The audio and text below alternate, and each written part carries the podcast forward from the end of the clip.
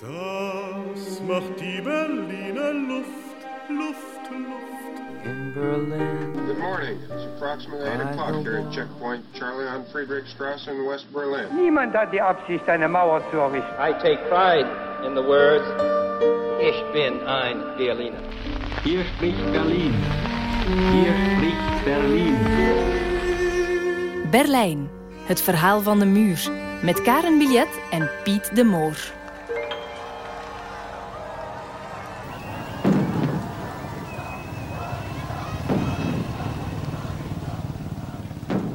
2 juni 1967 krijgen we het bezoek van de Shah van Perzië aan West-Berlijn. En de Shah van Perzië, dat was toen, laten we zeggen, een metafoor voor alles wat eh, repressie was. Men wist dat die man zijn land met harde hand bestuurde, meer nog de, de, de inwoners van Iran eh, terroriseerde. Dat tenminste was de opvatting van de studenten hier. En eh, de Shah van Perzië werd met zijn vrouw hier met eh, alle honneurs ontvangen door de burgemeester van eh, West-Berlijn, die niet meer Willy Brandt was, die was toen al minister van Buitenlandse Zaken, maar door Heinrich Albert, eh, ook een sociaaldemocraat, en die gingen dan met grote, in grote stoet en, naar de opera in de Bismarckstraße, een opvoering van Mozart, Zauberfleuten denk ik, en een massa studenten die daartegen protest- protesteerden. Nu was het zo dat de Shah van Perzië zijn eigen veiligheidstroepen had eh, meegebracht. En dat die veiligheidsagenten, die Perzische, die Iranese veiligheidsagenten, met, met stokken, gewapend met stokken, gewoon op de studenten insloegen. Dat was nog niet gezien. De politie was in West-Berlijn brutaal ook, maar dit was ongezien. Dat op dit terrein iemand die uit het buitenland kwam met zijn eigen mensen zo tekeer ging tegen eh, jonge mensen. Eh, er zijn gewonden gevallen. Maar vooral is er een dode gevallen. Dat is bijna oorlogszorg geweest. En die is eh, ja, echt geëxecuteerd op een geïsoleerde plaats door een politieman. Een meneer Kouras heette die, die later dan ook lid bleek te zijn van de SED. Dat wil zeggen van de, de communistische partij aan de andere kant van de muur.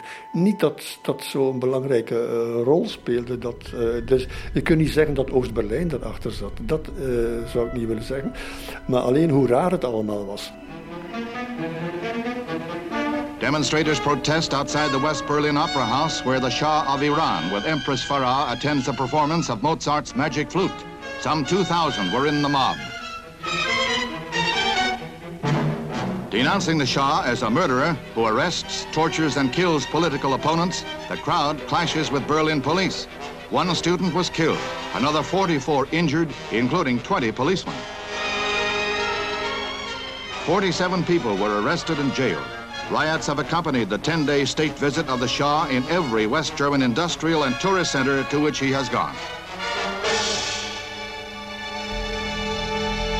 Nu, toen dat eh, ja, met veel moeite bekend werd wat er eigenlijk met die Benno Onenzorg gebeurd was, hoe die student eh, door een politieagent in zijn hoofd geschoten was, eh, dat heeft men lang proberen te verdoezelen, maar dat is niet gelukt.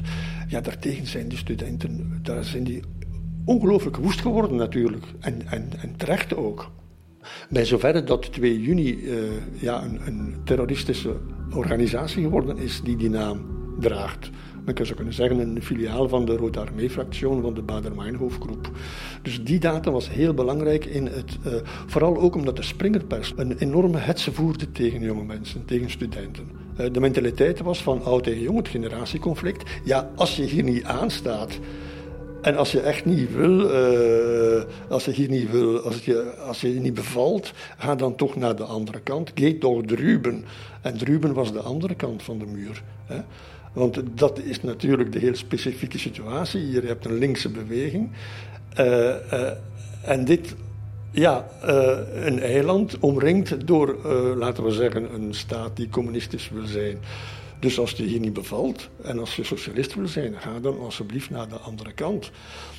En dat is natuurlijk het grote conflict tussen die generaties. Die uh, oudere generatie, die eerst uh, misschien met de nazi's heeft meegedaan, maar daarna in 48 die luchtbrug heeft meegemaakt, uh, gered is door de Amerikanen en ja, bij wijze van spreken, die West-Berlijners, die oude generatie, die bij wijze van spreken allemaal Amerikanen geworden zijn. En die dan plots te maken hebben met een nieuwe generatie. Die protesteert onder andere ook tegen de Amerikanen en tegen de Vietnamoorlog. Dat is in die uh, die West-Berlijn was natuurlijk veel hitsiger allemaal dan op andere uh, plekken. En vandaar ja, de omvang en de dimensie van het conflict. En bovendien, een jaar later is er dan een aanslag geweest, een aanslag geweest tegen Rudi Dutschke, uh, studentenleider in 1968. En Rudi Dutschke was de leider van de buitenparlementaire oppositie, die als, een parlementarische oppositie. Dus een, een studentenleider met heel veel gezag. Hè. En daarbij zou ik toch eens willen zeggen dat het anti-Amerikanisme van de studentenbeweging hier toch misschien ook niet helemaal klopt. Het was een actie tegen de politieke Amerikaanse leiding en niet zozeer tegen de Amerikanen. Want de cultuur van de studenten die was Amerikaans. Uh, om het samen te vatten was Bob Dylan. Uh, dat was de protestzangers. Dat was, uh, ja, men sprak over sit-ins, men sprak over events. Het waren happenings. de, de taal die de studenten gebruikten, die was Amerikaans. Rudy Dutschke was getrouwd met een Amerikaanse. Hè, die, eh, met een zeer Amerikaanse naam Gretchen. dus uh, het is allemaal niet zo simpel ook. Je kunt niet zeggen de anti-Amerikaanse beweging, het was een beweging tegen de, tegen de Vietnamoorlog. Maar natuurlijk, de studenten liepen in grote betogingen door de straten van Berlijn, van West-Berlijn, met plakaten van Ho Chi Minh. Uh, tegen uh, uiteraard uh, zich verzetten tegen de Amerikaanse agressie in, in Vietnam. Dus het was een heel hitsige cocktail. Het was een, een, een, een, sfeer waarin werkelijk een soort ja, pre-burgeroorlog kon zou gaan heersen tussen de jongere mensen, de, dan de wel degelijk goed opgeleide jonge mensen en, en, en de anderen. Rudy Duske is, is op de Kurfürstendam uh, is een kogel door zijn hoofd gejaagd door een jonge arbeider, een meneer Bachman, van wie men zegt, en dat klopt toch wel ook, dat hij zo opgehitst was door de artikelen van de journalisten van de Bildzeitung, dat hij het wapen, naar het wapen gegrepen heeft en Doetske heeft neergeschoten op het moment dat hij met zijn fiets voorbij kwam op de Koervurstendam. Dat was 68. Dan heeft Doetske nog uh, ja, ongeveer denk ik tien jaar overleefd en is dan toch ook wel aan de gevolgen van die aanslag gestorven. Maar die twee feiten, dus de Shah van Perzië en de moord op uh, Benno Onenzorg en dan de moordaanslag op Rudy Doetske, dat heeft werkelijk de vlam in de pan geslagen.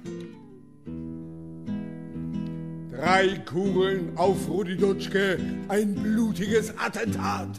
Wir haben genau gesehen, wer da geschossen hat. Ach, Deutschland, deine Mörder.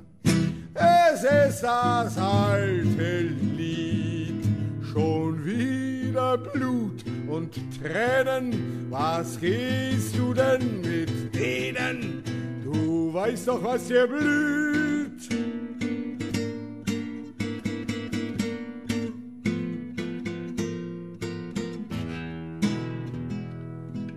Kugel Nummer eins kam aus Springers Zeitungswald.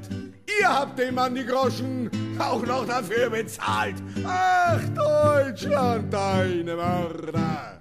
Es ist das alte Lied. Schon wieder Blut und Tränen.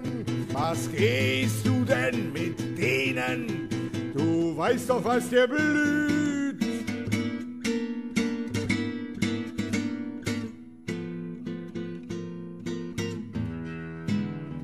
Des zweiten Schusses Schütze im Schöneberger Haus.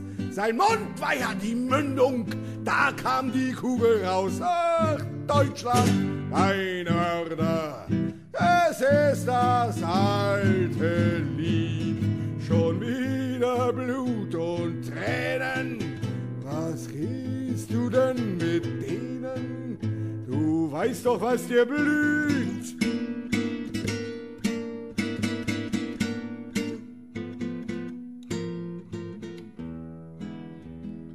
Der Edelnazi-Kanzler schoss Kugel Nummer drei.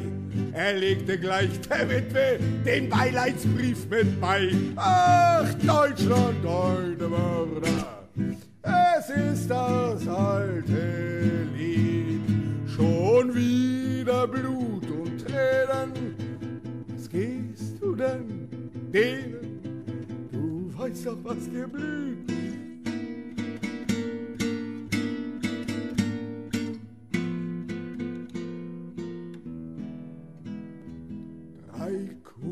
Rudi Dutschke, ihm galten sie nicht allein. Wenn wir uns jetzt nicht wehren, wirst du der Nächste sein. Ach, Deutschland, deine Mörder, es ist das alte Lied. Schon wieder Blut und Tränen, was gehst du denn mit denen? Du weißt doch, ja,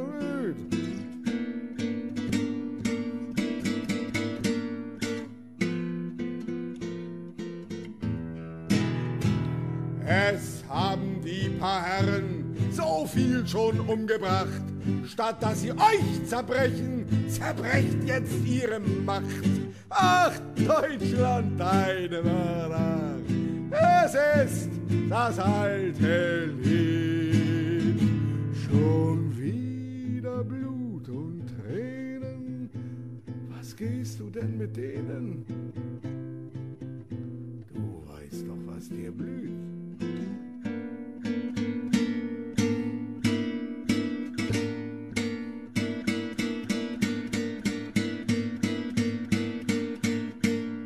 Berlijn.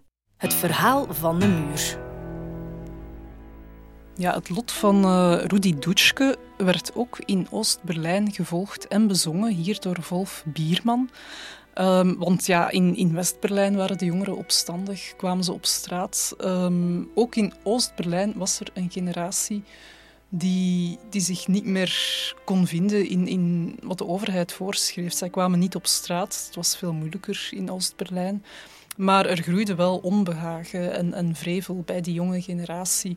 Want je moet rekenen, in Oost-Berlijn had je eigenlijk tot in de jaren tachtig, tot het einde van de staat, de hardliners aan de macht. Dus die mensen die erbij waren geweest bij, bij het uh, oprichten van de staat. En die verstarden. En die hadden ook geen voeling meer met wat er bij die jongeren leefde. Und im Osten kosten die Schrippen 5 Pfennig und 20 hier. En dat is heel duidelijk geworden in 1976, want toen werd Wolf Bierman, dus de man die we net hoorden zingen, die werd het land uitgezet. En wie was Wolf Bierman? Je zou kunnen zeggen dat dat de Bob Dylan van de DDR was. Dus dat was een volkszanger, dat was een protestzanger. Ein großes Bier kostet eine Mark dort und 2 Mark 50 hier. Und drüben hältst du mein Bierchen, dein Maul, hier darfst du schreien. Allein, es ändert die Welt sich. Es ändert die Welt sich mit Schweigen, nicht noch mit Schreien.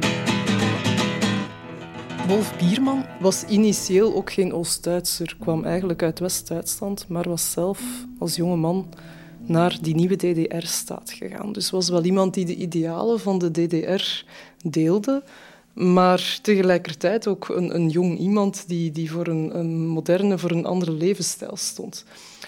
Wolf Bierman was ook in West-Duitsland populair. En in 1976 ging hij daar optreden. En na het concert in West-Duitsland mocht hij het land, mocht hij Oost-Duitsland niet meer binnen. Dus hij was, werd ausgebürgert. Die zuständigen Behörden der DDR haben Wolf Biermann, der 1953 aus Hamburg in die DDR übersiedelte, das Recht auf weiteren Aufenthalt in der Deutschen Demokratischen Republik entzogen. Hij was uh, in 1953 als grote idealist uh, vanuit Hamburg naar de DDR gekomen om hier uh, het land te komen opbouwen. Das kranke West-Berlin, es hing wie eh und je am Tropf. Als dichter, als, als zanger van liederen. Uh, ja, hij was een idealist. Zijn moeder was een communiste, zijn vader was een Joodse communist. Hij was in Auschwitz vermoord. Hij wilde werkelijk een betere wereld opbouwen en hij vond dat de DDR de beste plaats was om dat te doen. Uh, maar naarmate, ja, uh, hij is gekomen, in de DDR, in Oost-Berlijn gekomen, kort voor de grote opstand van juni 1953. Dat was al een beetje misschien het eerste feit wat hem deed twijfelen aan, ja, zal dat hier allemaal wel lukken? Maar niettemin, hij heeft dat volgehouden, heeft in 1961 nog de bouw van de muur verdedigd. Want uh, toen dacht hij, ja, als die muur er staat, dan zijn we hier onder ons. En dan kunnen wij die ideale, zonder, zonder stoorzenders, kunnen wij hier die ideale maatschappij opbouwen uh, waaraan ik wil, uh, wil meewerken. Also habe ich die Mauer befürwortet, weil sie die letzte Rettung war, um die DDR vor dem Zusammenbruch zu bewahren. Maar dat werd heel snel een teleurstelling, omdat hij eh, inzag, ja, met die oude leiders die uit Moskou komen enzovoort, daar valt zeer weinig mee te doen. Dat zijn zulke betonkoppen, daar loop ik me gewoon op te pletter. En op die manier is hij dan uh, ja, ook door contact met componisten als Hans Eisler, die hij een beetje als zijn, zijn uh, vervangvader beschouwde, is hij kritische teksten beginnen te schrijven. En uh, ja, zijn optreden stonden in het teken van de kritiek tegen het regime. Niet dat hij het regime wilde doen vallen. Hij wou het alleen maar verbeteren. Het socialisme met een menselijk gezicht, dat was uiteindelijk zijn doel. Maar die kritiek werd niet aanvaard en vanaf 1965 mag hij geen platen meer opnemen en mag hij ook niet meer in het openbaar optreden. Dus vanaf dan gebeurt alles in het geniep. En zelfs de platen die hij opneemt, dan die neemt hij thuis op in de Chausseestraat waar hij woont. En dat kun je zelfs op die oude platen nog horen, want af en toe, ja, die kwaliteit van die platen die is niet zo goed. En af en toe hoor je daar een tram passeren en dan hoor je een, tram knarsen terwijl de man op zijn gitaar zit uh, te bulderen en uh, ja, de betonkoppen van de, van de partij van de SED zit, zit uit te maken. Zo oder zo, die Erde wird rot. Entweder Leben rot oder Todrot. Wir mischen uns da bisschen ein. Zo. Dus hij is werkelijk, zou je kunnen zeggen, een luis in de pels van het regime. Op een bepaald moment, uh, 1976, wordt hij uitgenodigd om uh, in Hamburg, enfin niet in Duitsland, een tournee te maken. En de DDR-autoriteiten laten hem zonder meer gaan. En wat gebeurt er? Na die tournee, wat een enorm succes was, hè, waar de mensen werkelijk aan zijn lippen hingen, want, want Bierman is een fantastische zanger. Hij heeft een, een, ongehoord gitarenspel en hij heeft een onverwisselbare stem die je, als je ze één keer gehoord hebt, nooit meer kunt vergeten, ook als je het zou willen. Nu, dat, dat, dat, dat optreden in Hamburg, vooral in Hamburg, was, uh, was een enorm succes. Maar op het ogenblik dat de man wil terugkeren naar de DDR, mag hij niet. Hij mag het land niet meer binnen, dat is wel de omgekeerde wereld. Dus ze zijn er vanaf. Dat procedé, dat procedé om zo'n burger niet meer binnen te laten, dat heet dan de Ausburgerung. Dat is een nieuw feit in de geschiedenis van de DDR. Iemand verliest zijn burgerrechten gewoon door het feit dat hij niet meer erkend wordt als burger van het land waarin hij woont. En uh, ja, tegen die Ausburgerung. Je mag niet vergeten dat was in 1976 en dat was één jaar na het afsluiten van de akte van Helsinki. En dat was ook een heel belangrijk feit in de geschiedenis van Europa, maar natuurlijk ook van Duitsland. Want de akte van Helsinki was begonnen als een akte van 35 uh, eh, landen die bij de oorlog betrokken waren en die een veiligheidsakkoord afsluiten. Maar wat begonnen was als een veiligheidsakkoord, is uiteindelijk vooral in de DDR en Oost-Europa een document geworden waarin de mensenrechten worden verdedigd. Dus het recht om te reizen, het recht om op vrije meningsuiting, enzovoort, enzovoort. En dat is verschenen in alle Oost-Europese kranten.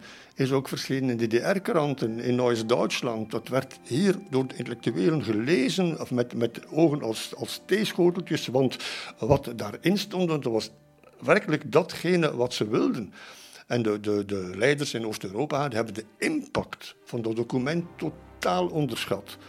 Nu, 75 de akte van Helsinki en 76 de Ausburgen van Bierman. Dus die twee feiten. Enerzijds heb je, zou je moeten genieten van al je rechten in Oost-Europa. En anderzijds wordt iemand die dan kritisch optreedt buiten gegooid.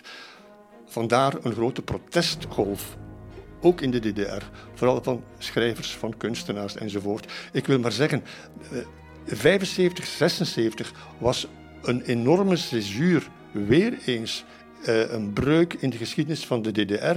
En weer eens werd bewezen dat de leiders van de DDR helemaal niet veilig zaten. Dus als zij dachten van na 61, na de bouw van de muur, zijn we op ons gemak, bleek in 75, 76 weer eens het tegendeel. Dus die trauma's van die partijleiding, die was uh, sinds 53 zeer groot. En dat was de reden van de bouw van de muur enzovoort. En in 75, 76 komt alles nog weer eens naar boven en hebben ze weer alle reden om te bibberen. Die Wahrheit scheiß selbst Mitleid. Bin ich nun ein heimatloser Gesell? Was ist das? Heimat? Polizeimann. Ach was, es wird schon hell. Ich sitz nicht mehr wie ein nacktes Kind im Schneematsch. Heimat. De grote kwaliteit van Bierman was niet alleen dat hij, vind ik, een zeer groot dichter is en ook een zeer groot componist maar dat hij de mensen kon uh, aanmoedigen. Dus jonge mensen ook van uh, geef het niet op, er is nog een mogelijkheid. Ondanks alles kunnen wij iets bereiken. Het is heel moeilijk, maar toch moeten we voortdoen. En dat altijd weer dat beklemtonen, we mogen niet opgeven dat, die impact ervan kan men onmogelijk onderschatten. Hè. En een van de liederen waarvan ik zelf heel veel houd, daarvan is de titel zelf Ermutigung. En dat betekent aanmoediging. Du lass dich nicht verhärten in dieser harten Zeit, die allzu hart sind, brechen, die allzu spitz sind, stechen und brechen ab sogleich. Dus degenen die al te spits zijn en al te hard zijn, die zijn als potloden. Dus de punt breekt er af en ze zijn niks meer waard. En het ironische van het hele verhaal is dat Bierman zelf zo hard is en zo spits is, maar dat er dan toch bij hem niets gebroken is.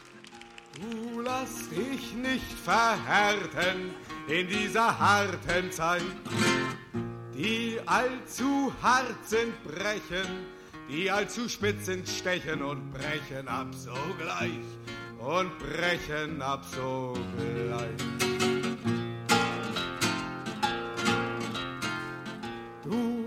Dich nicht verbittern in dieser bitteren Zeit.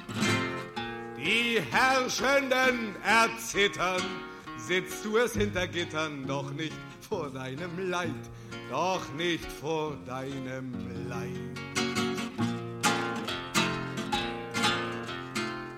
Du lass dich nicht erschrecken in dieser Schreckenszeit.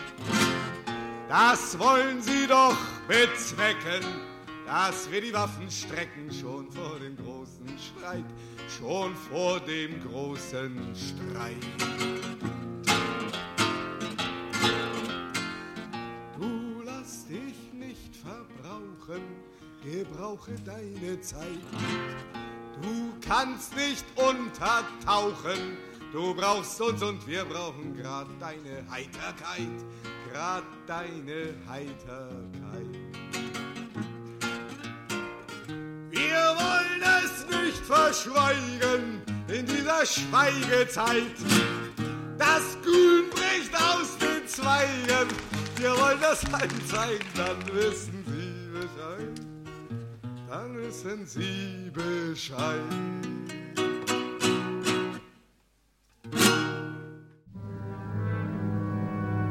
Jeder von uns,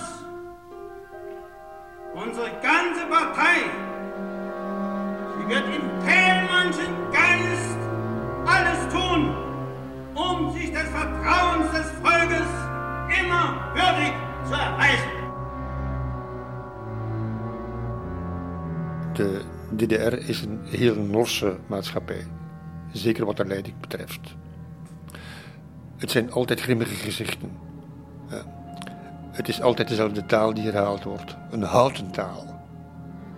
Een uh, door ideologie doordrenkte taal. Het moet altijd de, de, de grootste vrede zijn, het moet altijd alles alomvattend zijn. Uh, het zijn woorden die voortdurend terugkeren, ook in de kranten, in de media. Het begint echt op de zenuwen van de mensen te werken en ook van de jonge mensen te werken. Die wilden gewoon iets anders. Die, die, uh, je, had het natuurlijk ook als gewone toerist als je DDR binnenkwam. Dus er was nooit eens een charme-offensief. Je werd, ja, als je het beeld van de muur ziet natuurlijk enzovoort. En, maar ook hoe je aan de grens behandeld werd.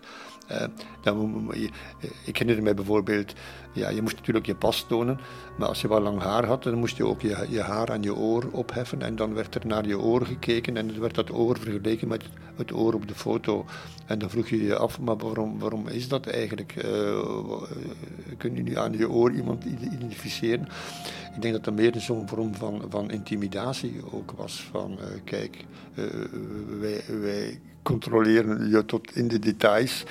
En uh, aan de oren zullen wij ook zien als er iemand anders over de grens komt. Enfin, iets, iets, zo iets beeld ik mij in wat het had moeten zijn. Strajku. A następne prawa ustanowimy już niedługo. En uh, in Polen, uh, zo ja, eind jaren 70, begin 1980, uh, krijg je daar een, een beweging, een, een, verzetsbeweging ook. Uh, de naam, ik laat even de naam Valesha uh, vallen, ik laat Solidarność vallen. Dus een arbeidersbeweging vanuit Gdansk die opkomt tegen het verkalkte regime. En de Polen mogen zich vrij, tamelijk vrij bewegen ook in, in Oost-Europa. En die kunnen ook gemakkelijk naar West-Berlijn komen. Die hebben in het begin een visum nodig, maar op het einde zelfs geen visum meer nodig om naar West-Berlijn te komen. En dus een, een heel belangrijk moment tegelijkertijd die verzetsbeweging die daar ontstaat eh, in Gdansk en eh, die het regime provoceert. General Secretary Gorbachev, if you seek peace, if you seek prosperity for the Soviet Union and Eastern Europe, If you seek liberalization, come here to this gate. Mr. Gorbachev, open this gate. Mr. Gorbachev, tear down this wall.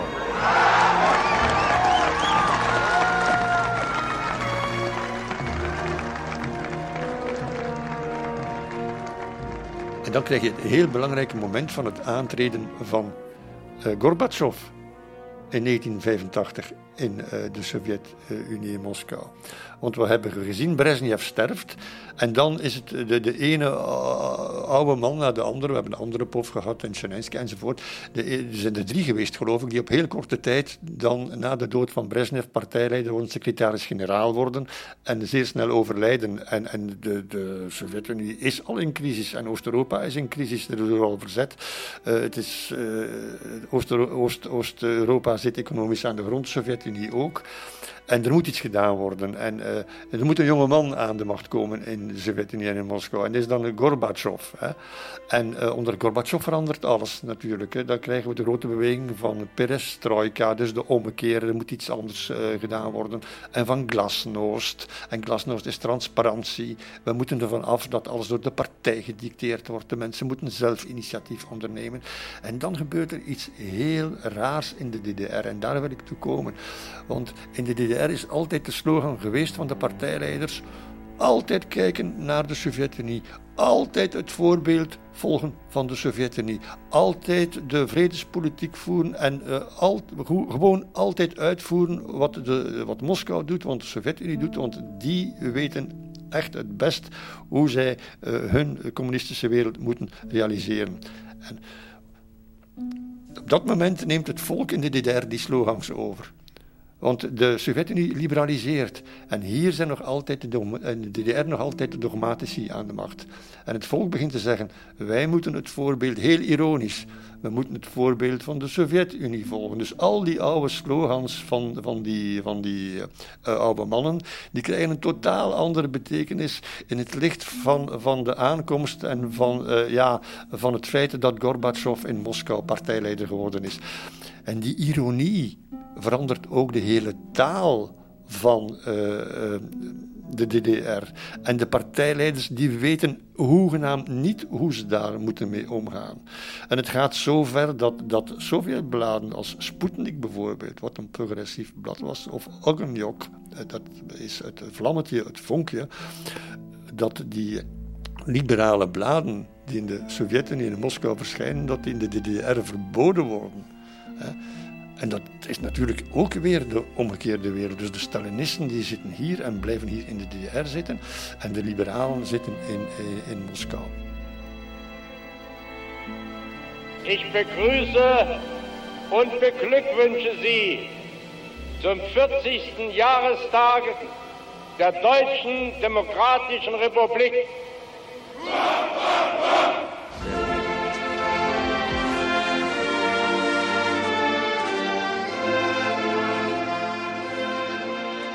7 oktober 1989 is de 40ste verjaardag van de stichting van de DDR.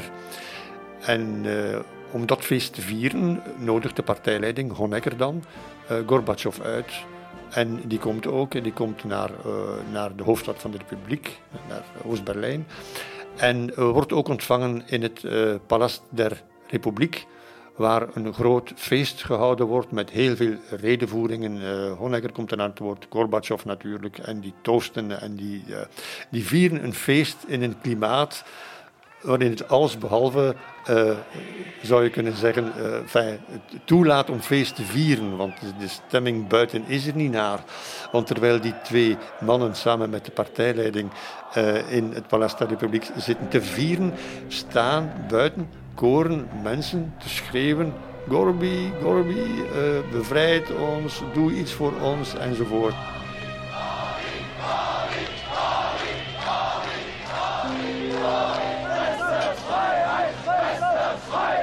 En die, die, die demonstranten die worden daar letterlijk neergeknuppeld door de, uh, door de staatsveiligheidsdiensten en de repressie en de ordehandhaving. Dus dan moet je eens voorstellen, enerzijds dat gekunstelde feest daar in dat paleis van de Republiek en buiten die vijandige stemming tegen de partijleiding van de DDR en die juichende toestemming tegenover die andere gast die daar is, tegenover Gorbachev, van wie men uh, denkt dat hij iets kan doen om uh, die, die oude mannen eruit te gooien en een nieuw begin te, te creëren. zo kan men zeggen, kan men zien overal op straat dat het volk het beu is. En kort daarop wordt Honecker dan ook afgezet en vervangen door een driemanschap. En overal zie je in de DDR protestmanifestaties. En de belangrijkste daarvan vinden plaats in Leipzig. Daar wordt telkens weer elke week opnieuw gedemonstreerd. Uh, groepen met, met kaarsen en mensen die uh, vreedzaam betogen en die een belangrijke slogan hebben en dat is Wir sind das Volk. Met de nadruk op de vier. Dat is iets anders dan te roepen, wir sind das Volk. Maar het is wir sind das Volk. En niet jullie die daar in jullie burchten verschuilen. Hè?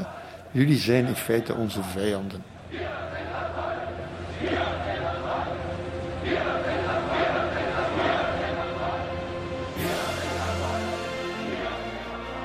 En zo gaat het voort. En die oktobermanifestaties in uh, Leipzig zijn dan ook overgeslagen naar, naar andere steden en plaatsen. Oktober 89. En dan heeft er op 4 november 1989 uh, eh, in, in Berlijn, in uh, Oost-Berlijn, een heel belangrijke manifestatie, een massa-manifestatie plaatsgevonden. Waarop uh, iedereen die iets te betekenen had in de intellectuele wereld iets gezegd heeft. En uh, dat was bijvoorbeeld de schrijfster Christa Wolf, die gepleit heeft voor een uh, socialisme met een menselijk gezicht. Dat was bijvoorbeeld Stefan Heim, een andere belangrijke uh, liberale schrijver die sinds de Ausbürgerung van, van Wolf Bierman gewantrouwd werd door de partijleiding. Und wo die Leute immer gekuscht haben, unter dem Kaiser, unter den Nazis und später auch. Maar dat waren ook mensen uit de partijleiding, je zou kunnen zeggen de opportunisten op dit moment al, die zich daarbij aansloten. En ik herinner mij goed eh, dat Marcus Wolf erbij was. Seit dem 9. Oktober ist kein Blut mehr geflossen und wir wollen es dabei lassen. En Marcus Wolf was het hoofd van de contraspionage in de eh, DDR. Dus de man die overal uh, ja, uh, zijn netten uitzette in het buitenland en, en daar ja, vooral in West-Duitsland, maar ook bij de NATO in Brussel enzovoort. Dat was de man die zijn netten uitzette en die daar kwam op die manifestatie met de dissidenten daar ook kwam vertellen dat er in de DDR van alles moest veranderen. Er was dan, sommigen juichten dat toe, applaudisseren, maar Marcus Wolf werd ook door een groot deel van uh, die massa die er stond uitgejouwd. Hè. Wir doch alle dafür, dass die Vernunft die Oberhand behält. Nutzen wir gemeinsam die einmalige Chance, Sozialismus mit Demokratie, die das Wort verdient, zu verbinden. En dat was 4 november, werd ook uitgezonden rechtstreeks op de televisie van de DDR. Dat was ook toch allemaal vrij nieuw. Want, want men had de gewoonte om daar veel dingen te anseneren, te, op te nemen, te filmen. En daarna erin te knippen en uit te zenden wat men graag. Maar, de, dus men wist niet wat die, die sprekers eh, op het podium gingen vertellen voor die massa. En dat dat eh, rechtstreeks werd uitgezonden was totaal, eh, vrij, enfin, totaal nieuw voor, voor, voor dat regime.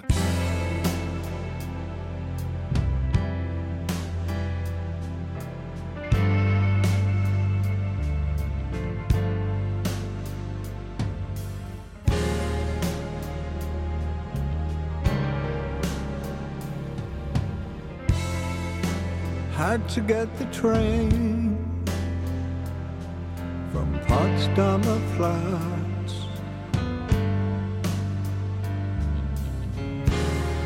You never knew that, that I could do that, just walking the dead.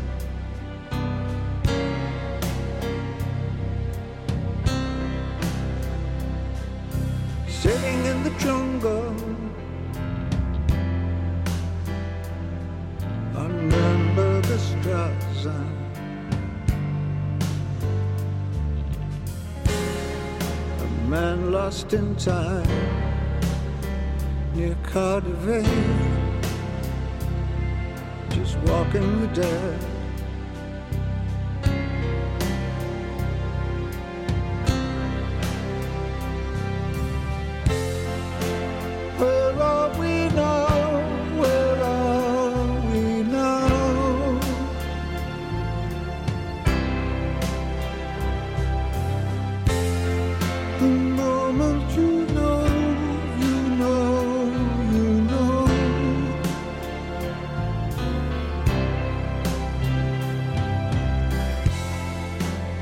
Thousand people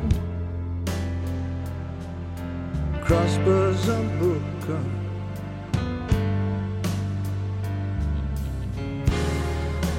Fingers are crossed just in case.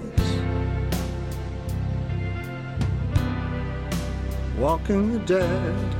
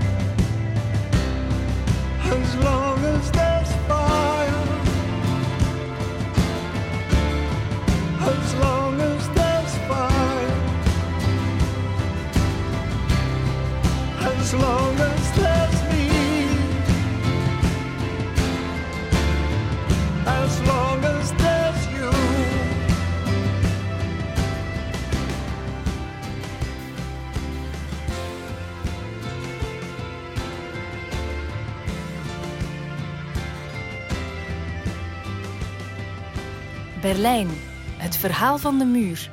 Met Karen Billet en Piet de Moor.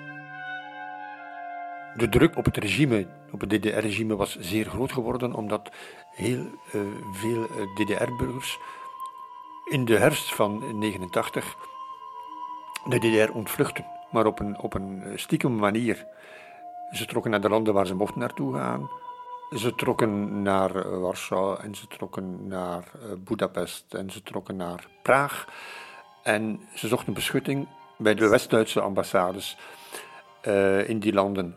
En de tuin bijvoorbeeld van de West-Duitse ambassade in Praag, die was gevuld, bomvol, met mensen die daar beschutting hadden gezocht, in de hoop dat zij van daaruit, vanuit die ambassades, die Westen-ambassades, direct naar het Westen zouden kunnen gaan. En ik herinner mij dat de West-Duitse minister van Buitenlandse Zaken, Genscher, op een bepaald ogenblik op die ambassade verscheen en daar op het balkon uh, uh, verscheen en daar een toespraak wilde houden uh, voor die mensen, die, die DDR-burgers, die daar verzameld werden, om hen een boodschap mee te geven.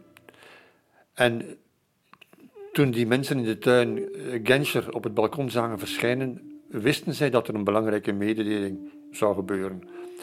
En heeft zich niet eens kunnen uitspreken.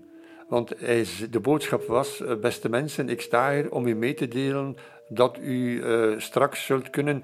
En er ging een enorm gejuich op in de tuin, omdat iedereen wist dat jullie straks op een veilige manier zouden, zullen kunnen vertrekken. En dat beeld van die Genscher, eh, wiens woorden daaronder gaan, in dat tumult van die massa die daar staat te schreeuwen en te juichen, van, dat is ook een beeld dat voor altijd eh, op mijn netvlies eh, zal, blijven, zal blijven vastzitten. Um Ihnen mitzuteilen, dass heute Ihre Ausreise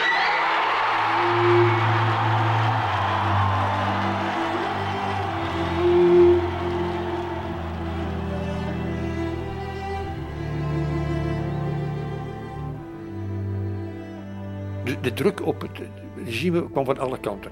Hè. Kwam dus ook vanuit het bevriende buitenland, zou je kunnen zeggen. Hè. En uh, dat onderstreept nog, nog eens het, het failliet, het fiasco van het, van het, uh, van het regime.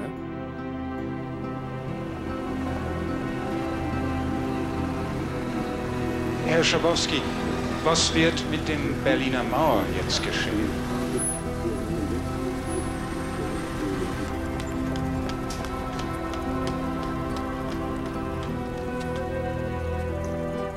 Ja, uh, is het toeval dat ik hier was uh, op 9 november 1989. Uh, er zijn twee dingen natuurlijk. Ik, ik was hier in de jaren 70. Ik ben de geschiedenis van Berlijn altijd zeer op de voet blijven volgen. Dus ik had op de vooravond van de gebeurtenissen het gevoel dat er van alles te gebeuren stond. Dat alles in beweging was. Heel Oost-Europa en de Sovjet-Unie stond op stelten, bij wijze van spreken. En uh, ja, Berlijn, had ik het gevoel, is altijd een soort van seismograaf geweest van uh, dingen die er gebeuren staan. Is altijd een brandpunt geweest van gebeurtenissen. Het was toch uh, na 1945 het, het, centrum van de, van de Koude Oorlog geweest. En ik had het gevoel dat er iets te gebeuren stond, maar ik wist ook niet wat. En ik vroeg gewoon aan de redactie van Knakken de, de toestemming op een, een, maandag, dat was dan 5 november of zo, om, om naar Berlijn te gaan. En ik kreeg die toestemming en ik weet dat, nog dat ik met een, voor de eerste keer in mijn leven een vliegtuig van Intervloek genomen heb. Dat was de Oost-Duitse maatschappij. Nee, dat was eerst nog iets anders. Ik ben naar de, de ambassade geweest, de Oost-Duitse ambassade in Brussel. En dat was met een collega van de Standaard. En ik weet nog dat de perswoordvoerder van de ambassade ons vroeg wat, wat moet er gebeuren. Die man was zelf radeloos. En ik zei, ja, het beste zijn dat de muur valt. En ik weet nog dat die man mij aankeek met, ogen als, als schoteltjes. En goed, wij, wij uh, vliegen naar, naar, naar Oost-Berlijn. Ik neem een uh, intrek in uh, Hotel Metropool. hotel dat niet meer bestaat in de Friedrichstraße. Dus helemaal in het centrum van Oost-Berlijn. En uh, Ja, ik volgde de gebeurtenissen en we zijn 9 november. Uh, het was een donderdag. En de aankondiging van een grote persconferentie in het internationaal perscentrum in de Moornstraße. Dat is een vrij grote straat in Oost-Berlijn. Ik zeg Oost-Berlijn, ik moet eigenlijk zeggen de hoofdstad van de DDR. Dat was toen de geplogenheid. En op die persconferentie was de internationale pers uitgenodigd.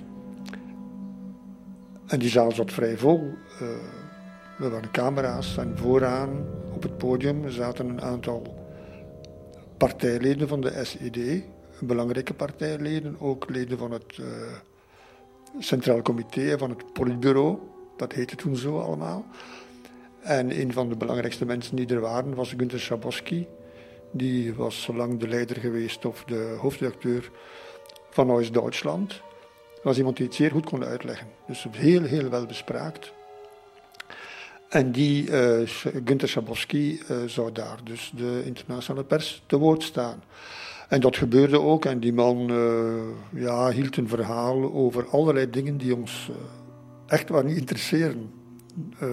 over, over komende vergaderingen en over beslissingen die zouden genomen worden en veel bla bla bla. En iedereen zat daar al een beetje in te dutten. Ja, en dan was er plots een Italiaanse journalist en die heette Eerman. En die stelde een vraag over het uh, uitreizen uit de DDR. En dat was een heel belangrijk thema, want daar ging het voortdurend over. En toen kwam er iets wat niemand verwacht had. Iedereen spitste de oren, want toen zei die Günter Schabowski, dus die partijman, van hoe hebben jullie nog geen document daarover gekregen? Uh, daar staat toch in dat wij maatregelen genomen hebben. Iets in die zin zei hij.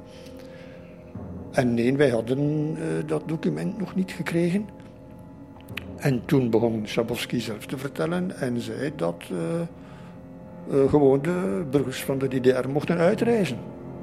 Und deshalb haben wir uns dazu entschlossen, heute äh, eine Regelung zu treffen, die es jedem Bürger der DDR möglich macht, äh, über Grenzübergangspunkte der DDR äh, auszureisen. En iedereen zat daar paf, want dat uh, was wel het grootste nieuws wat men kon verwachten. Het nieuwe nieuws, want tot nu toe was daar geen sprake van geweest en was, er ook, uh, was het ook gewoon een taboe-thema geweest.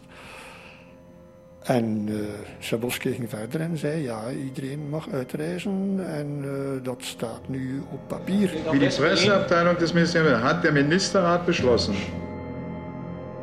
En ik weet dat er ook toen nog iemand vroeg, geldt dat ook voor West-Berlijn? Dus mogen de burgers van de DDR ook naar West-Berlijn reizen? En toen keek Schabowski op zijn papieren en zei, ja. Also doch, doch. Ständig außerdem können über alle Grenzübergangsstellen der DDR zur BRD bzw. zu Berlin-West erfolgen. En toen ging het vragen nog verder. En, en toen vroeg die Eerman, die uh, van het Italia Italiaanse persagentschap was, dacht ik. Die vroeg dan, en wanneer gaan die maatregelen in? En toen hoor ik Schabowski nog altijd zeggen, uh, het is nu 30 jaar geleden, maar het klinkt nog in mijn oren, onverzüglich. Dat betekent direkt. Das tritt nach meiner Kenntnis ist das sofort. Unverzüglich. Wat ik niet wist toen ik in de zaal zat, er waren nog een paar Belgen. Uh, uh, van Istendaal bijvoorbeeld, die was er ook. En uh, ja, wat ik niet wist toen is dat die persconferentie werd opgenomen door de televisie en ook, als ik me niet vergis, rechtstreeks werd, werd uitgezonden. Uh, wij vroegen ons toen af, wat, gaat er nu gebeuren? Is gaat er nu een stormloop komen? Maar toen we op straat kwamen enzovoort, ja, alles was vrij rustig. Uh, zoals gezegd, wij daarna, na die persconferentie, wij wisten niet uh, dat het rechtstreeks was uitgezonden. Wij wisten niet wat er ging gebeuren. Alleen een beetje later op de, op de West-Duitse televisie en je moet men weten dat de West-Duitse televisie, zeker in die tijd, overal in de DDR bekeken werd. Eh, Ten slotte, ja, het waren toch uh, nabuur. Het was één natie, twee staten, het waren de buren. En de, Oost-Duitsers konden natuurlijk de West-Duitse televisie capteren. En ik hoorde nieuwslezer Hans-Joachim Friedrichs, heette die man. En die presenteerde de tagesthemen, dus het journaal, het nieuws. Uh, rapporteren over die persconferentie van Schabowski. En ik hoor die man zeggen, die toren in der Mauer stehen weit offen. Guten Abend, meine Damen und Herren. Im Umgang mit Superlativen ist Vorsicht geboten, sie nutzen sich leicht ab. Aber heute Abend darf man einen riskieren. Dieser 9. November ist ein historischer Tag. Die DDR hat mitgeteilt, dass ihre Grenzen ab sofort für jedermann geöffnet sind. Die Tore in der Mauer stehen weit offen. Dus de, de poorten van de muur staan breed wijd open. En achteraf erop terugkijkend is, was dat helemaal niet het geval. Dus dat was het, een van de grootste fake, fake news evenementen, zou je kunnen zeggen, die er ooit zijn, uh, zijn voorgekomen. Want wat was er nu eigenlijk gebeurd op die persconferentie? Schabowski had gezegd, de maatregelen die gaan direct in. Maar dat betekende in feite dat de burgers van de DDR op dat moment, op die donderdag of dan vanaf de vrijdag daarop, hun aanvraag konden indienen en achter hun documenten gaan, waarbij ze de DDR en eh, Oost-Berlijn op een legale manier zouden kunnen verlaten. Maar dat was helemaal niet duidelijk op die persconferentie. En dat was ook helemaal niet duidelijk natuurlijk door het nieuws op televisie, dat men zei de poorten van, of de deuren van de muur, die staan wijd open. Pas op dat ogenblik, het was 19 uur, vermoed ik, of 20 uur, maar ik denk dat het 19 uur was. Pas op dat ogenblik is die grote aandrang gekomen uh, en uh, zijn de mensen van Oost-Berlijn beginnen toestromen naar de grens en naar de grensovergangen. En is de druk op de duur zo groot geworden dat uh, de, de, de grenswachters, de grenspolitie zelf besloten heeft om de barrières open te maken en om de muur te openen. Er is van hogerhand, bij zover ik weet, niemand geweest. Niemand van de leiders, niemand van de partijleiders, niemand uit de regering enzovoort. Niemand van de mensen die de verantwoordelijkheid hadden om zo'n beslissing te nemen, die maar iets van zich hebben laten horen.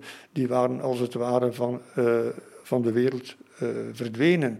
En het is de verantwoordelijkheid geweest van de, van de mensen van de, van de ambtenaren, functionarissen, van de politie, eh, die aan de, grens de, de, de wacht hielden, dat ze de slagbomen eh, naar omhoog hebben gehaald en dat ze de mensen hebben doorgelaten. Dat was vooral aan de Beuzenbrugge uh, het, het, geval. En vanaf dat vanaf dat moment. Dus het heeft nog een hele tijd geduurd. De discussie tussen burgers die de grens over wilden en de grensbewakers die met elkaar discussieerden van nee, maar dat kan toch niet. Nee, wij hebben geen toestemming daarvoor. Wij weten van niks eigenlijk. Wij weten, wij hebben ook geen, geen instructies gekregen van niemand. Dus het was totale verwarring. En dat er daar dan geen doden zijn gevallen, is toch wel te danken aan de wijze beslissingen van de mensen, uh, functionarissen, DDR-functionarissen die de grens bewaakten, dat ze uh, ja, uh, de slagboom naar omhoog hebben gehaald en de mensen hebben doorgelaten. Dat was het grote gebeuren van die 9 november 1989, die avond, die nacht.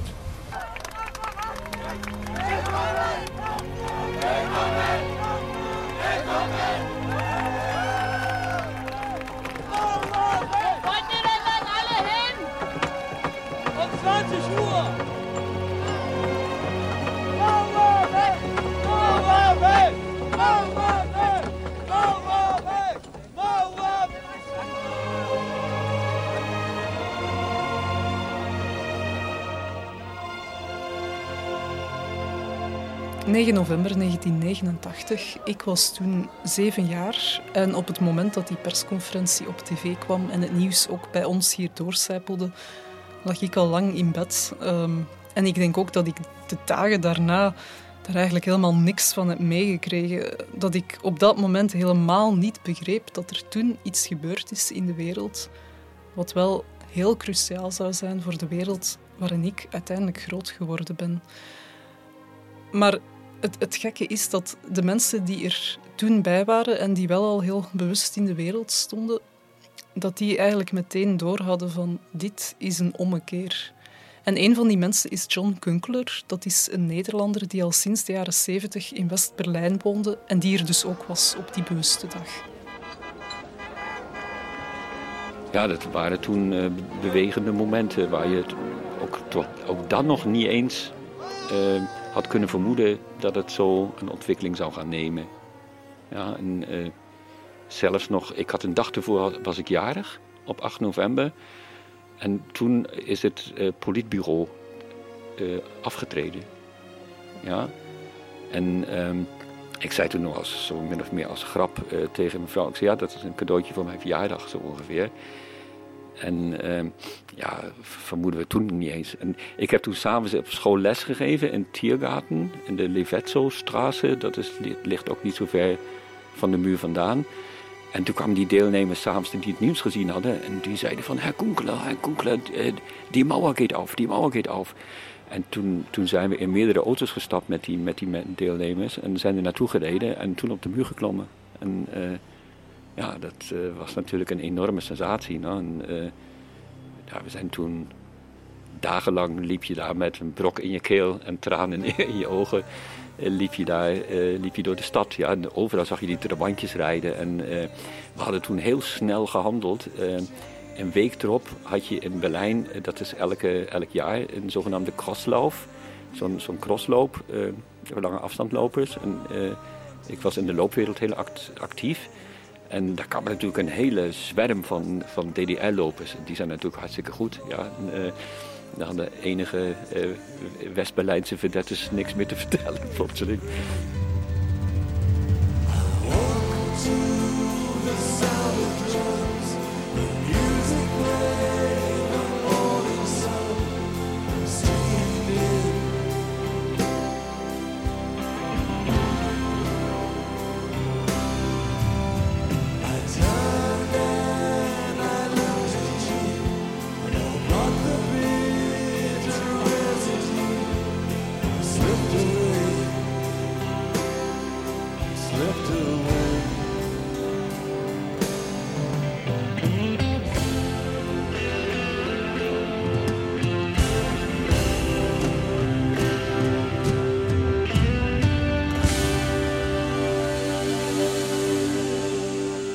Berlijn.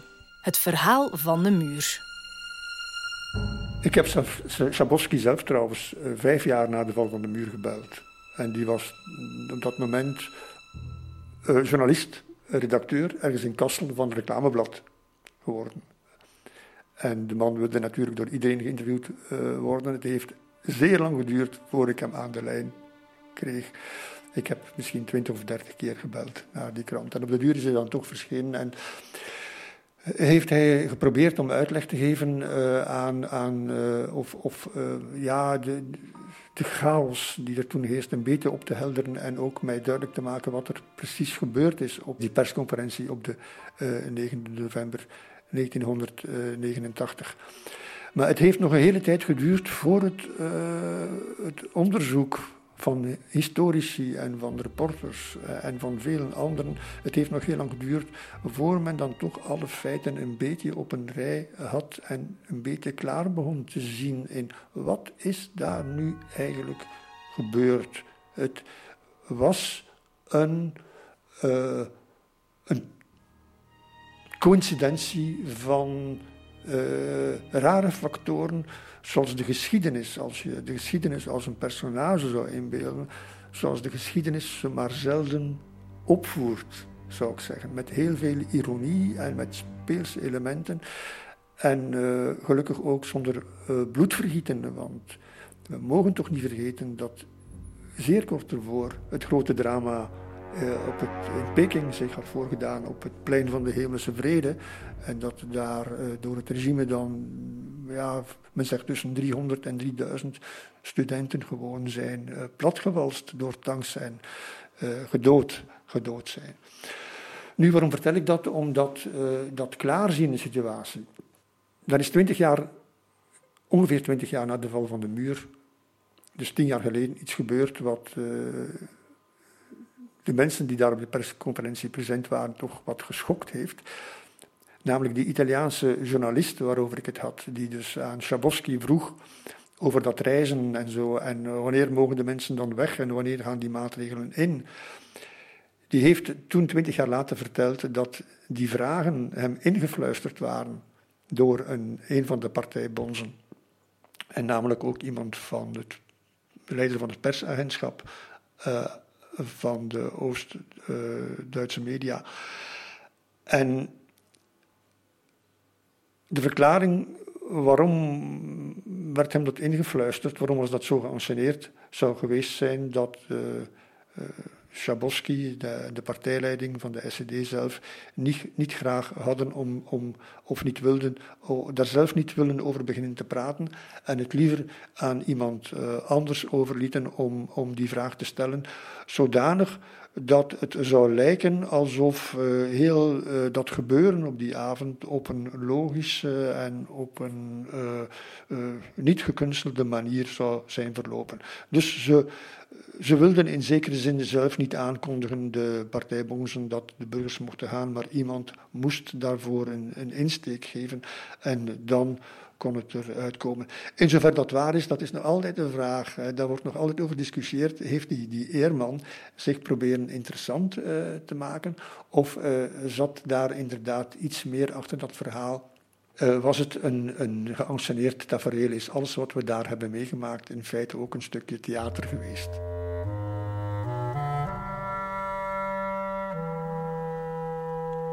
We kwamen hier in december ja, in januari ging jij naar school. Ja. Ja, en ik had nog een, een maand vrij en dan moest ik werken.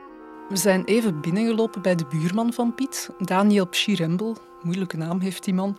En Daniel die heeft er ook zijn moeder bij gehaald, Hildegard. Hildegard komt uit West-Duitsland, maar in de jaren tachtig is zij met haar zoon naar Rotterdam verhuisd. Um, zij werkte als dokter, als kinderarts en ja, er was een bepaalde job die zij alleen in Rotterdam kon uitoefenen. Dus zo zijn ze daar een paar jaar beland. Ze hebben daar allebei uitstekend Nederlands leren spreken. En na dertig jaar zit daar gek genoeg geen sleet op. Want um, op het moment dat de muur openging, was Hildegard in Rotterdam, zag het nieuws. En eigenlijk in de periode daarna heeft zij beslist om terug te keren naar Duitsland.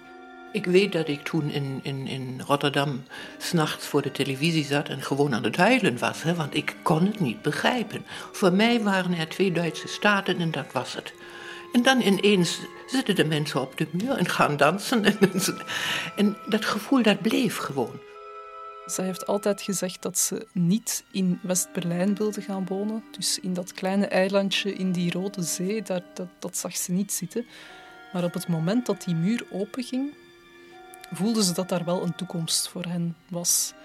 En voor Daniel was dat een hele ommekeer, want Daniel was net als ik nog een kind toen die muur viel. En die werd eigenlijk plots in een compleet andere wereld binnengebracht. Hij mocht dan wel Duitser zijn, maar hij kende Duitsland eigenlijk niet. En dan nam zijn moeder hem nog mee naar Berlijn, waar je ook die sporen van de oude DDR zag, wat nog eens een heel andere wereld was.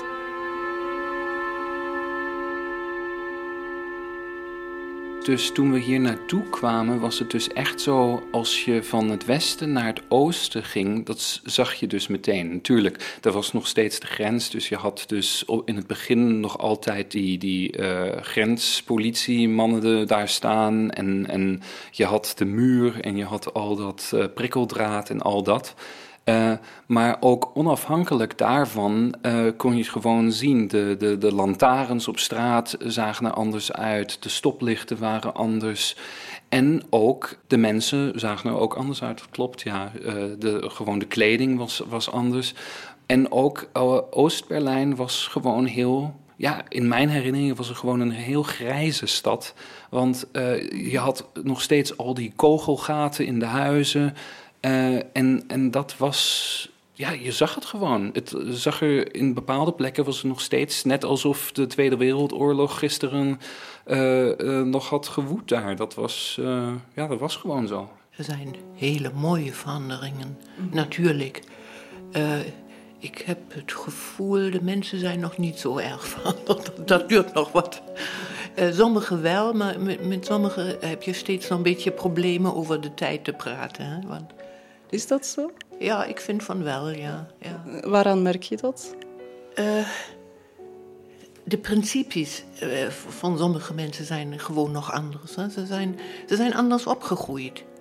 Ik, ik, ik denk altijd, ja, wij, wij hebben altijd keuzes gehad. En sommige van hen, hun hadden geen keuze. En dat is een groot verschil, denk ik. Ja, het is niet alleen maar een gevoel. Ik denk dat het echt zo is. Er is een verschil. Dat is ook niet erg, maar het, het is gewoon zo. En ik denk dat dat klopt. Dat het gewoon echt is. Als je anders opgroeit, dan, dan, dan blijft dat ergens in je. En ja, ik denk dat duurt dan nog wel een generatie of twee totdat dat helemaal weg is. Hoe manifesteert zich dat, uh, dat verschil? Uh, is het zo dat men in het Westen meer initiatieven neemt dan in het uh, Oosten? ik zeg maar iets. Is het daardoor te verklaren dat zij veel langer in, een, in het Oosten een dictatuur geleefd hebben, van 33 tot 89, en, en, en daardoor veel meer verwachten van autoriteiten, van verzorgingsstaat enzovoort dan in het Westen? Uh, ik bedoel de hele discussie over het abgehengd zijn. Dus dat, dat ze voelen alsof ze uh, ja, niet, niet meespelen in het uh, grote Duitse spel, alsof ze gediscrimineerd worden ten nadele van hun eigen lot. Er is wel een gevoel van dat je, dat je weinige risico's moest nemen. En, en dat, je, dat, het, dat het slimmer is als je gewoon doet wat, wat, wat andere mensen willen dat je doet. Dat, dat is er meer.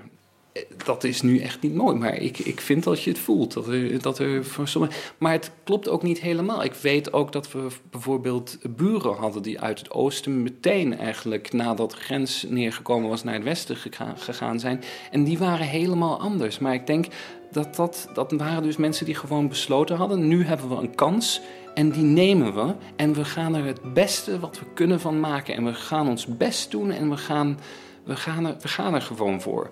En, en, en dat hebben niet alle, alle mensen gedaan. En dan is het natuurlijk heel makkelijk gewoon te zeggen: Nou, uh, we hadden geen keuze, de muur is gewoon neergekomen. Ja, daar hebben we voor demonstreerd. Maar daarna hebben ze ons. Uh, daar niet goed ja, laten vallen, precies. En, en niet goed behandeld. En dan is er geen respect voor wat we, wat we gedaan hebben daar. Ik ben te jong om dat te beoordelen, maar ik denk dan altijd, ja, goed, um, dat zou best wel kunnen, maar toch, het, is, het ligt nu aan jou er het beste van te maken. Of dat nu zo geweest is of niet, je kunt de geschiedenis niet veranderen. Dus dan moet je dus met wat je hebt omgaan. En um, dat, dat is wel moeilijk, denk ik, voor sommige mensen. Met name als je dat niet geleerd hebt en nooit gedurfd hebt. Want ik denk dat er ook mensen waren die het dus wel durfden. Kan je ook begrijpen dat er vandaag mensen zijn die in Oost-Duitsland geleefd hebben en die zeggen eigenlijk gaat het ons niet beter nu Duitsland één geworden is. Eigenlijk hadden we toen beter. Dat kan ik helemaal niet begrijpen eerlijk gezegd. Maar misschien uh, ken ik te weinig mensen, maar ik denk dat is gewoon niet waar. Want er is een heleboel gebeurd. Want ze praten altijd over de bloeiende landschaften van, van, uh, uh, van Kool en daar lachen ze over. Maar ze zijn er. Er is geen twijfel aan. Ik denk nog, we waren toen, voor de, voordat de muur neerkwam, was ik voor een congres in Dresden. Hè? Mooie stad. Maar toen helemaal nog vernietigd. Het enige ding wat ze dus hadden herbouwd was de operahuis en de zwinger.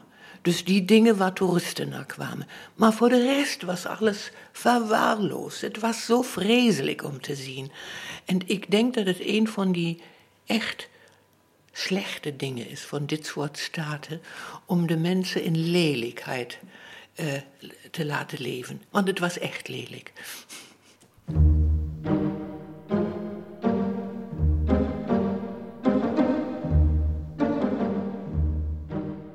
Ja, ik heb hier zo'n boekje in de hand. Ik, ik heb een kleine verslaving als ik in boekhandels kom hier in Berlijn. Ik kom altijd met een boek over Berlijn buiten, fotoboeken vooral ook. Omdat natuurlijk die fotoboeken voor mij die wereld oproepen die ik niet gekend heb. En zo heb ik hier ook een boekje over Prenzlauer Berg in de jaren tachtig, dus vlak voor de val van de muur. En er is natuurlijk altijd dat beeld van de DDR en van Oost-Duitsland, dat het daar zo grauw en lelijk en onaangenaam en kleinburgerlijk was. En ik denk dat dat grotendeels klopt, dat beeld, uit alles wat ik daarover lees. Alleen in de foto's die ik hier heb, spreekt dat een beetje tegen en, en maakt misschien ook duidelijk wat voor een wijk Prenzlauer was. Dus die foto's zijn genomen door een man die gewoon de mensen in zijn huis gefotografeerd heeft. En je ziet, dat zijn, uh, dat zijn straatfeesten, lange tafels waar mensen samen zitten te eten, te drinken, te roken. Uh, er wordt met de motor gereden. Uh, er wordt in een kring gedanst, uh, een beetje hippie-achtig. Dat is ook wel het, het extreem, of, of, het vreemde eraan, dat je eigenlijk hippies en punks en alles door elkaar hebt. Het was gewoon anders. En wat dan in het Westen heel tegenovergesteld was, kwam hier samen omdat het gewoon allemaal iets anders was dan de, de DDR. Ja, je ziet natuurlijk ook op die foto's wel die grauwe woningen, die afgebladderde gevels. Uh, het zijn ook zwart-wit foto's, hè, wat allemaal maakt dat het er misschien wat grijzer uitziet. Maar je ziet ook uh, spektakels op straat, theater voor de kinderen. En die kinderen die in verwondering aan het kijken zijn naar wat er voor hun ogen gebeurt. Dus wat ook toch duidelijk maakt dat voor veel mensen die zijn daar opgegroeid en die kindertijd kan ook mooi geweest zijn, want ze hebben ook daar dingen ontdekt. Ze hebben ook daar dingen voor de eerste keer zien gebeuren. Ze hebben ook daar genoten van zondagen. En er is één foto die ik echt geweldig vind.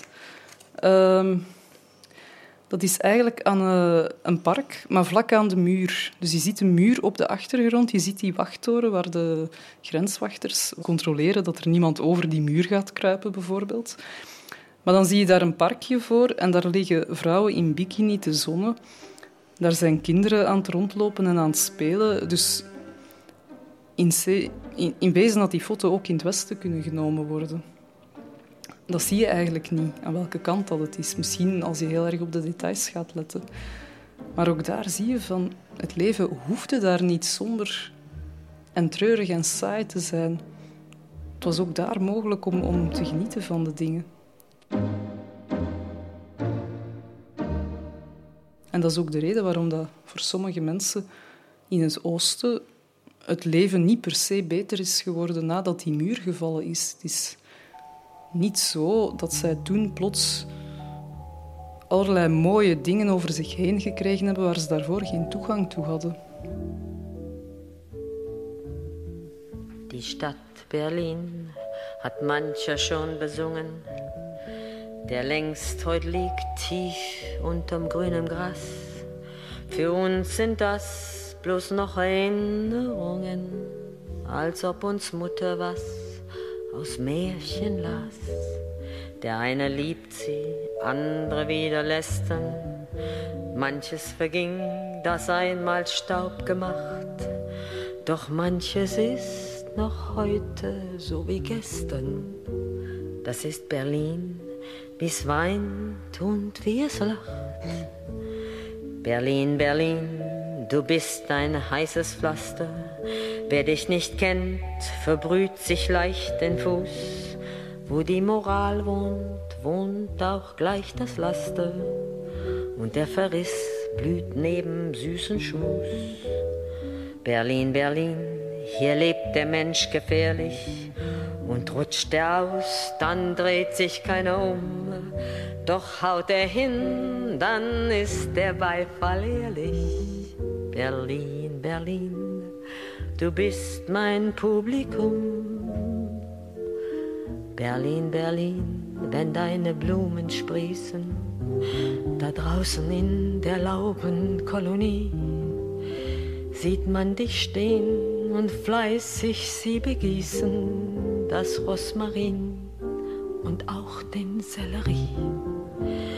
Fühlt Mutter ihre Lebenszeit verfließen, im Testament wird schnell noch angebracht.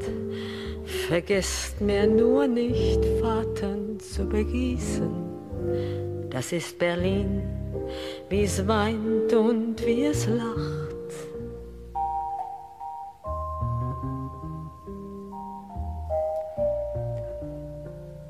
Das ist Berlin, wie es weint und wie es lacht. Hier ist das erste deutsche Fernsehen mit der Tagesschau. Guten Abend, meine Damen und Herren. Zum ersten Mal hat heute Bundeskanzler Kohl konkrete Schritte auf dem Weg zur deutschen Einheit genannt. Vor dem Bundestag in Bonn stellte er ein Zehn-Punkte-Programm mit dem Ziel einer bundesstaatlichen Ordnung in Deutschland vor. Helmut Kool, je kunt er veel kwaad over vertellen. Maar één ding heeft hij goed gedaan. Heeft onmiddellijk, onmiddellijk na de val van de muur heeft hij een tienpuntenprogramma uitgewerkt. En uh, dat tienpuntenprogramma wilde bewerkstelligen dat de Duitse eenheid zeer snel zou worden gerealiseerd. En velen hebben zich afgevraagd waarom die haast. Waarom heeft Kool zich zo gehaast? En achteraf is gebleken ja, dat uh, hij toch moet vermoed hebben dat het tijdvenster waarin dingen mogelijk waren, misschien ja, toch dat dat tijdvenster uh, beperkt was en dat dat venster heel snel weer kon, kon dichtgaan. Dass aber die Einheit kommen wird, wenn die Menschen in Deutschland sie wollen, dessen bin ich sicher. En wat hebben we dan inderdaad gezien in 1991? Is er een putsch tegen Gorbachev. Uh, Zo'n bende van zes. Uh, uh, zet hem af gewoon. Op het moment dat hij in zijn buitenverblijf aan de Krim is. En zet, hem daar, zet hem daar gevangen. En dat, wordt daarna wel bevrijd. Maar de gevangenneming van Gorbachev is het begin van het einde van de Sovjet-Unie. Dan valt heel de Sovjet-Unie in elkaar en er is een moment gekomen waarop de, de Russische Federatie wordt gesticht en waarop uh, Yeltsin het overneemt. Maar ik bedoel, maar het zijn omstandigheden, historische omstandigheden. Ja, als het, uh, het ijzer heet is, moet het gesmeten worden. Ik denk niet dat er een omstandigheid is waarin dit spreekwoord zo geldig is als op dat moment. En uh, dan moet je toch wel erkennen dat Helmut Kool je kan het mee oneens zijn of dat wel nodig was, die Duitse eenheid. Maar dat hij zijn ambitie om dat te realiseren op een, op een heel uh, goede en handige uh, manier gespeeld heeft. En dat hij heeft ingezien dat, dat hij dat moest doen voor het tijdvenster zich weer zou kunnen sluiten. 9 november. 9 november is een dag van feest. Um, en dit jaar wordt het nog net ietsje meer herdacht, omdat het 30 jaar geleden is dat de muur gevallen is. Maar toch is 9 november geen nationale feestdag in Duitsland. Wat je toch zou verwachten, aangezien die dag zoveel mensen blij gemaakt heeft. Ja, dat komt omdat de ene verjaardag in de weg zit van de andere. Je zou inderdaad verwachten dat 9 november nationale feestdag is. Uh, voor iedere Duitser is 9 november een begrip, dus de val van de muur. Uh, nu is de nationale feestdag op 3 oktober, dag van de, van de eenheid, maar dat is veel, uh, dat, uh, emotioneel raakt dat de mensen veel, veel minder. En men heeft ook eventjes overwogen om 9 november nationale feestdag te maken. Tot iemand uh, zeer snel opgemerkt heeft, dat gaat niet. En waarom gaat dat niet? Omdat uh, eh, 9 november ook herinnert aan een andere zeer treurige gebeurtenis. En dat is namelijk 9 uh, eh, november 1938. En wat is er op 9 november 1938 gebeurd? Dat was de zogenaamde, tussen aanhalingstekens, Kristalnacht. Dat was een enorme pogrom, niet alleen in Berlijn, maar overal in Duitsland. De, nacht waarop de Joden zou kunnen voor de tweede keer op een massale manier werden aangevallen in uh, heel Duitsland, aangestoken door de, door de nazi's. En wat gebeurde er toen? Toen werden in heel Duitsland, overal waar synagogen uh, waren, werden die synagogen uh, in brand gestoken, werden winkels vernietigd en werden Joden op straat gemolesteerd. Nu, het, het, is toch vanzelfsprekend dat daardoor 9 november 89 geen nationale feestdag kon worden, omdat de nazi's eh, of, of eh, neonazis of eh, ook al wat niet deugt van die gelegenheid ook zouden kunnen gebruik gemaakt hebben om, om, om antisemitische manifestaties te houden. En dat is de voornaamste reden, geweest waarom men 9 november 1989 uh, niet als nationale feestdag heeft kunnen weerhouden door de gebeurtenissen van 38. Door allerlei coincidenties uh, uh, speelt 9 november, die datum, 9 november, altijd weer een heel belangrijke rol in de Duitse geschiedenis. Want op uh, eh, 9 november 1918, einde van de Eerste Wereldoorlog, van de Grote Oorlog, is ook het einde van, van het keizerrijk. Het keizerrijk wordt opgegeven en Philipp Scheidemann, een sociaaldemocraat, die roept vanaf de Reichstag de republiek uit. En tegelijkertijd roept communist eh, Karel Liebknecht uh, vanaf het uh, balkon van het, van het slot, van het hogere het doet hetzelfde eh, maar dan voor de, voor de arbeiders. Dus 9 november 1918 ook het einde van het keizerrijk en het begin van de, van de, van de Weimar-republiek, zou men kunnen zeggen. En dan is er ook nog 9 november 1923 bijvoorbeeld in München. Dan heeft de mislukte eh, putsch van, van Hitler in uh, München plaatsgevonden. Dus we hebben alleen al in de 20e eeuw vier data waarin uh, uh, 9 november een, cruciale rol speelt. Nu, dat is de ironie van de geschiedenis, maar ik wil vooral de klemtoon leggen op het feit waarom de, de heugelijke dag van de, de, val van de muur, 9 november 89, niet kon weerhouden worden als nationale feestdag, omdat het drama van 38 in de weg zat.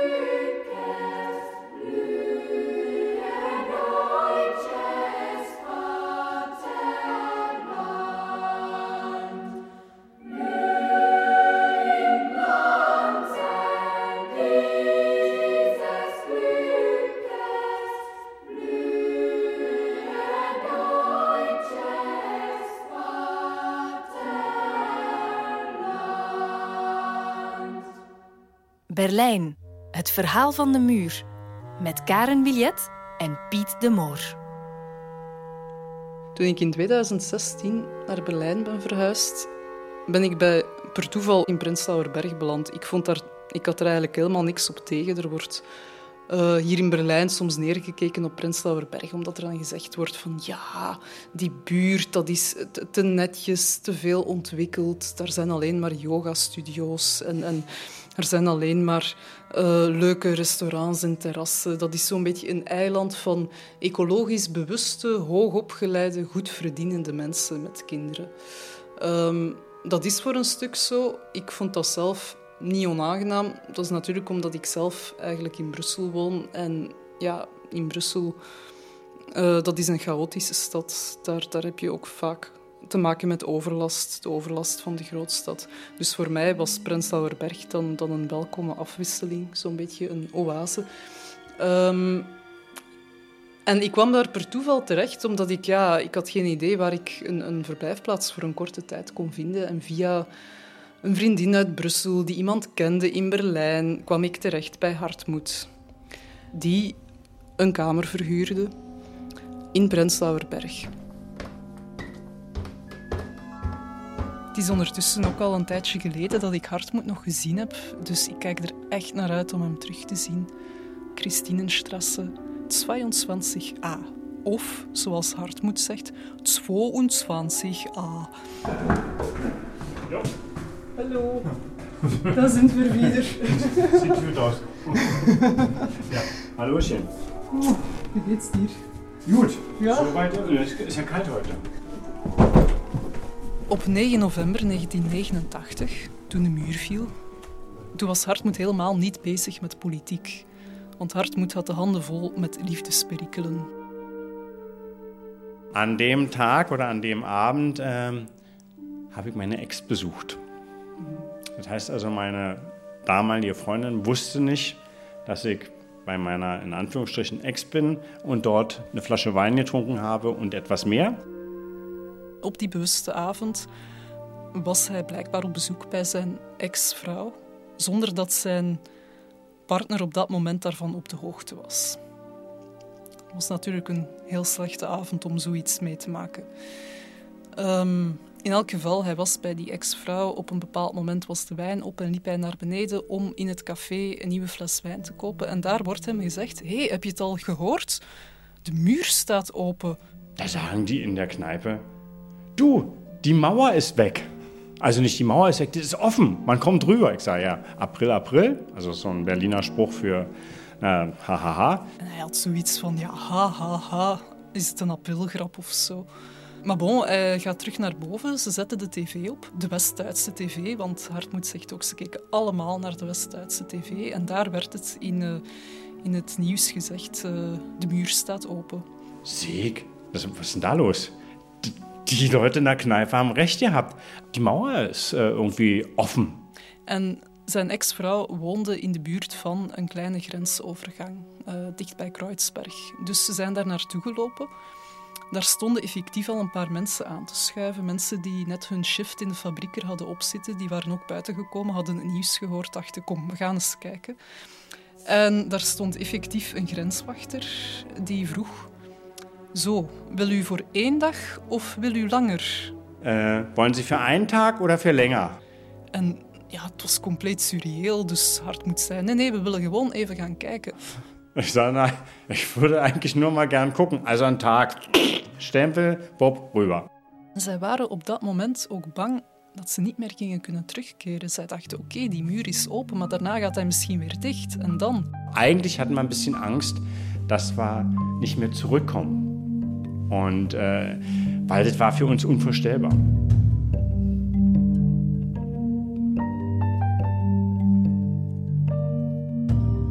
Hartmoed heeft altijd uh, in Prenzlauerberg gewoond. Dus de wijk waar hij nu vandaag nog altijd woont, maar ook al voor de val van de muur. Wat toen zo een beetje de vergaarpak was van alle alternatievelingen in Berlijn. En in die dertig jaar heeft Hartmoed hier ontzettend veel uh, zien veranderen. Dus als hij nu de deur uitgaat, dan ziet hij alleen jonge mensen. Heel vaak ook jonge mensen die Engels praten, die helemaal niet uit Duitsland komen. Beispielsweise geht man jetzt raus auf die Straße. guckt sich um, ziet man viele jonge Leute. Vind ik totaal klasse. En vindt hij leuk, want Hartmoed is effectief iemand die met heel veel mensen goed overweg kan. En ook heel goed met jonge mensen overweg kan. Aber wo sind eigentlich die alten Leute geblieben? Die alten Leute sind nicht mehr hier. Maar hij vraagt zich wel af, waar zijn alle mensen van vroeger gebleven? Ja, die zijn er niet meer, want die mensen, de oudere mensen die hier vroeger woonden, voor de val van de muur en vlak daarna, die kunnen het zich niet meer permitteren om in die wijk te wonen. Want het is hier zo populair geworden, het is zo magneet geworden voor, voor buitenlanders, buitenstaanders, dat de huurprijzen enorm gestegen zijn. En ja, voor mensen met een mager pensioen is het onmogelijk geworden om hier te blijven. Wat man zo schön sagt, die sind verdrängt worden. Ik zie hier in der Straße eigentlich so gut wie keinen Alten mehr die können sich das nicht mehr leisten. Die Wohnungen hier in dieser Gegend sind so teuer geworden, dass sie sich das wirklich nicht leisten können. Jetzt haben sich natürlich viele Sachen auch sehr positiv äh, verändert. Also ähm, der Spielplatz ist toll gemacht äh, und, und äh, die Straßen sind mit immer total schick und gut. Hartmut vindt ook dat er heel veel uh, positieve veranderingen zijn gekomen sinds de val van de muur. Um, De speelplaats die ziet er nu heel mooi uit. De straten zijn netjes, de huizen zijn mooi opgeknapt. Uh, dat was niet het geval. En Hartmoed heeft natuurlijk ook gemerkt sinds de val van de muur dat hij plots alles kan kopen wat hij wil. Vroeger in de DDR moest je staan aanschuiven om je boodschappen te doen en hopen dat er nog iets lag in de winkel. Ja, dat probleem stelt zich niet meer. Viele Einwohner in der DDR waren wirklich total happy, dass sie mit einmal viele, ich sag jetzt mal, materielle Dinge bekommen konnten. Das war unglaublich toll. Also nicht mehr warten zu müssen, nicht mehr anstehen zu müssen, das zu sehen und kaufen und nehmen zu können, von was man jahrelang im Fernsehen gesehen hat und diese blöden Westpakete bekommen hat und, und, und, und, und. Natürlich will ich nicht so erscheinen, als wenn ich das nicht gut gefunden hätte, dass die Mauer weg ist als Mauer. Ich bin prinzipiell gegen alle Mauern. Hij is er heel duidelijk over. Het is goed dat de muur gevallen is. Hij is blij dat hij reizen kan. Maar hij vindt ook dat er veel verloren gegaan is. Insgesamt zie ik toch viele Dinge negatief Gut, vielleicht geht es hier noch ein bisschen. Hier sind offensichtlich noch eine Menge Leute oder einige Leute, die halten daran fest, die zum Späti gehen und da rumsitzen und äh, ein Bierchen trinken und äh, auch Musik spontan machen. Aber insgesamt traurig, trauere ik dem doch etwas nach, dass es nicht mehr so ist, wie es war. Hartmoed is iemand die de dingen graag spontaan laat gebeuren. Die het fijn vindt dat gelijkgezinden samen rond de tafel komen en dat daar een project uit ontstaat.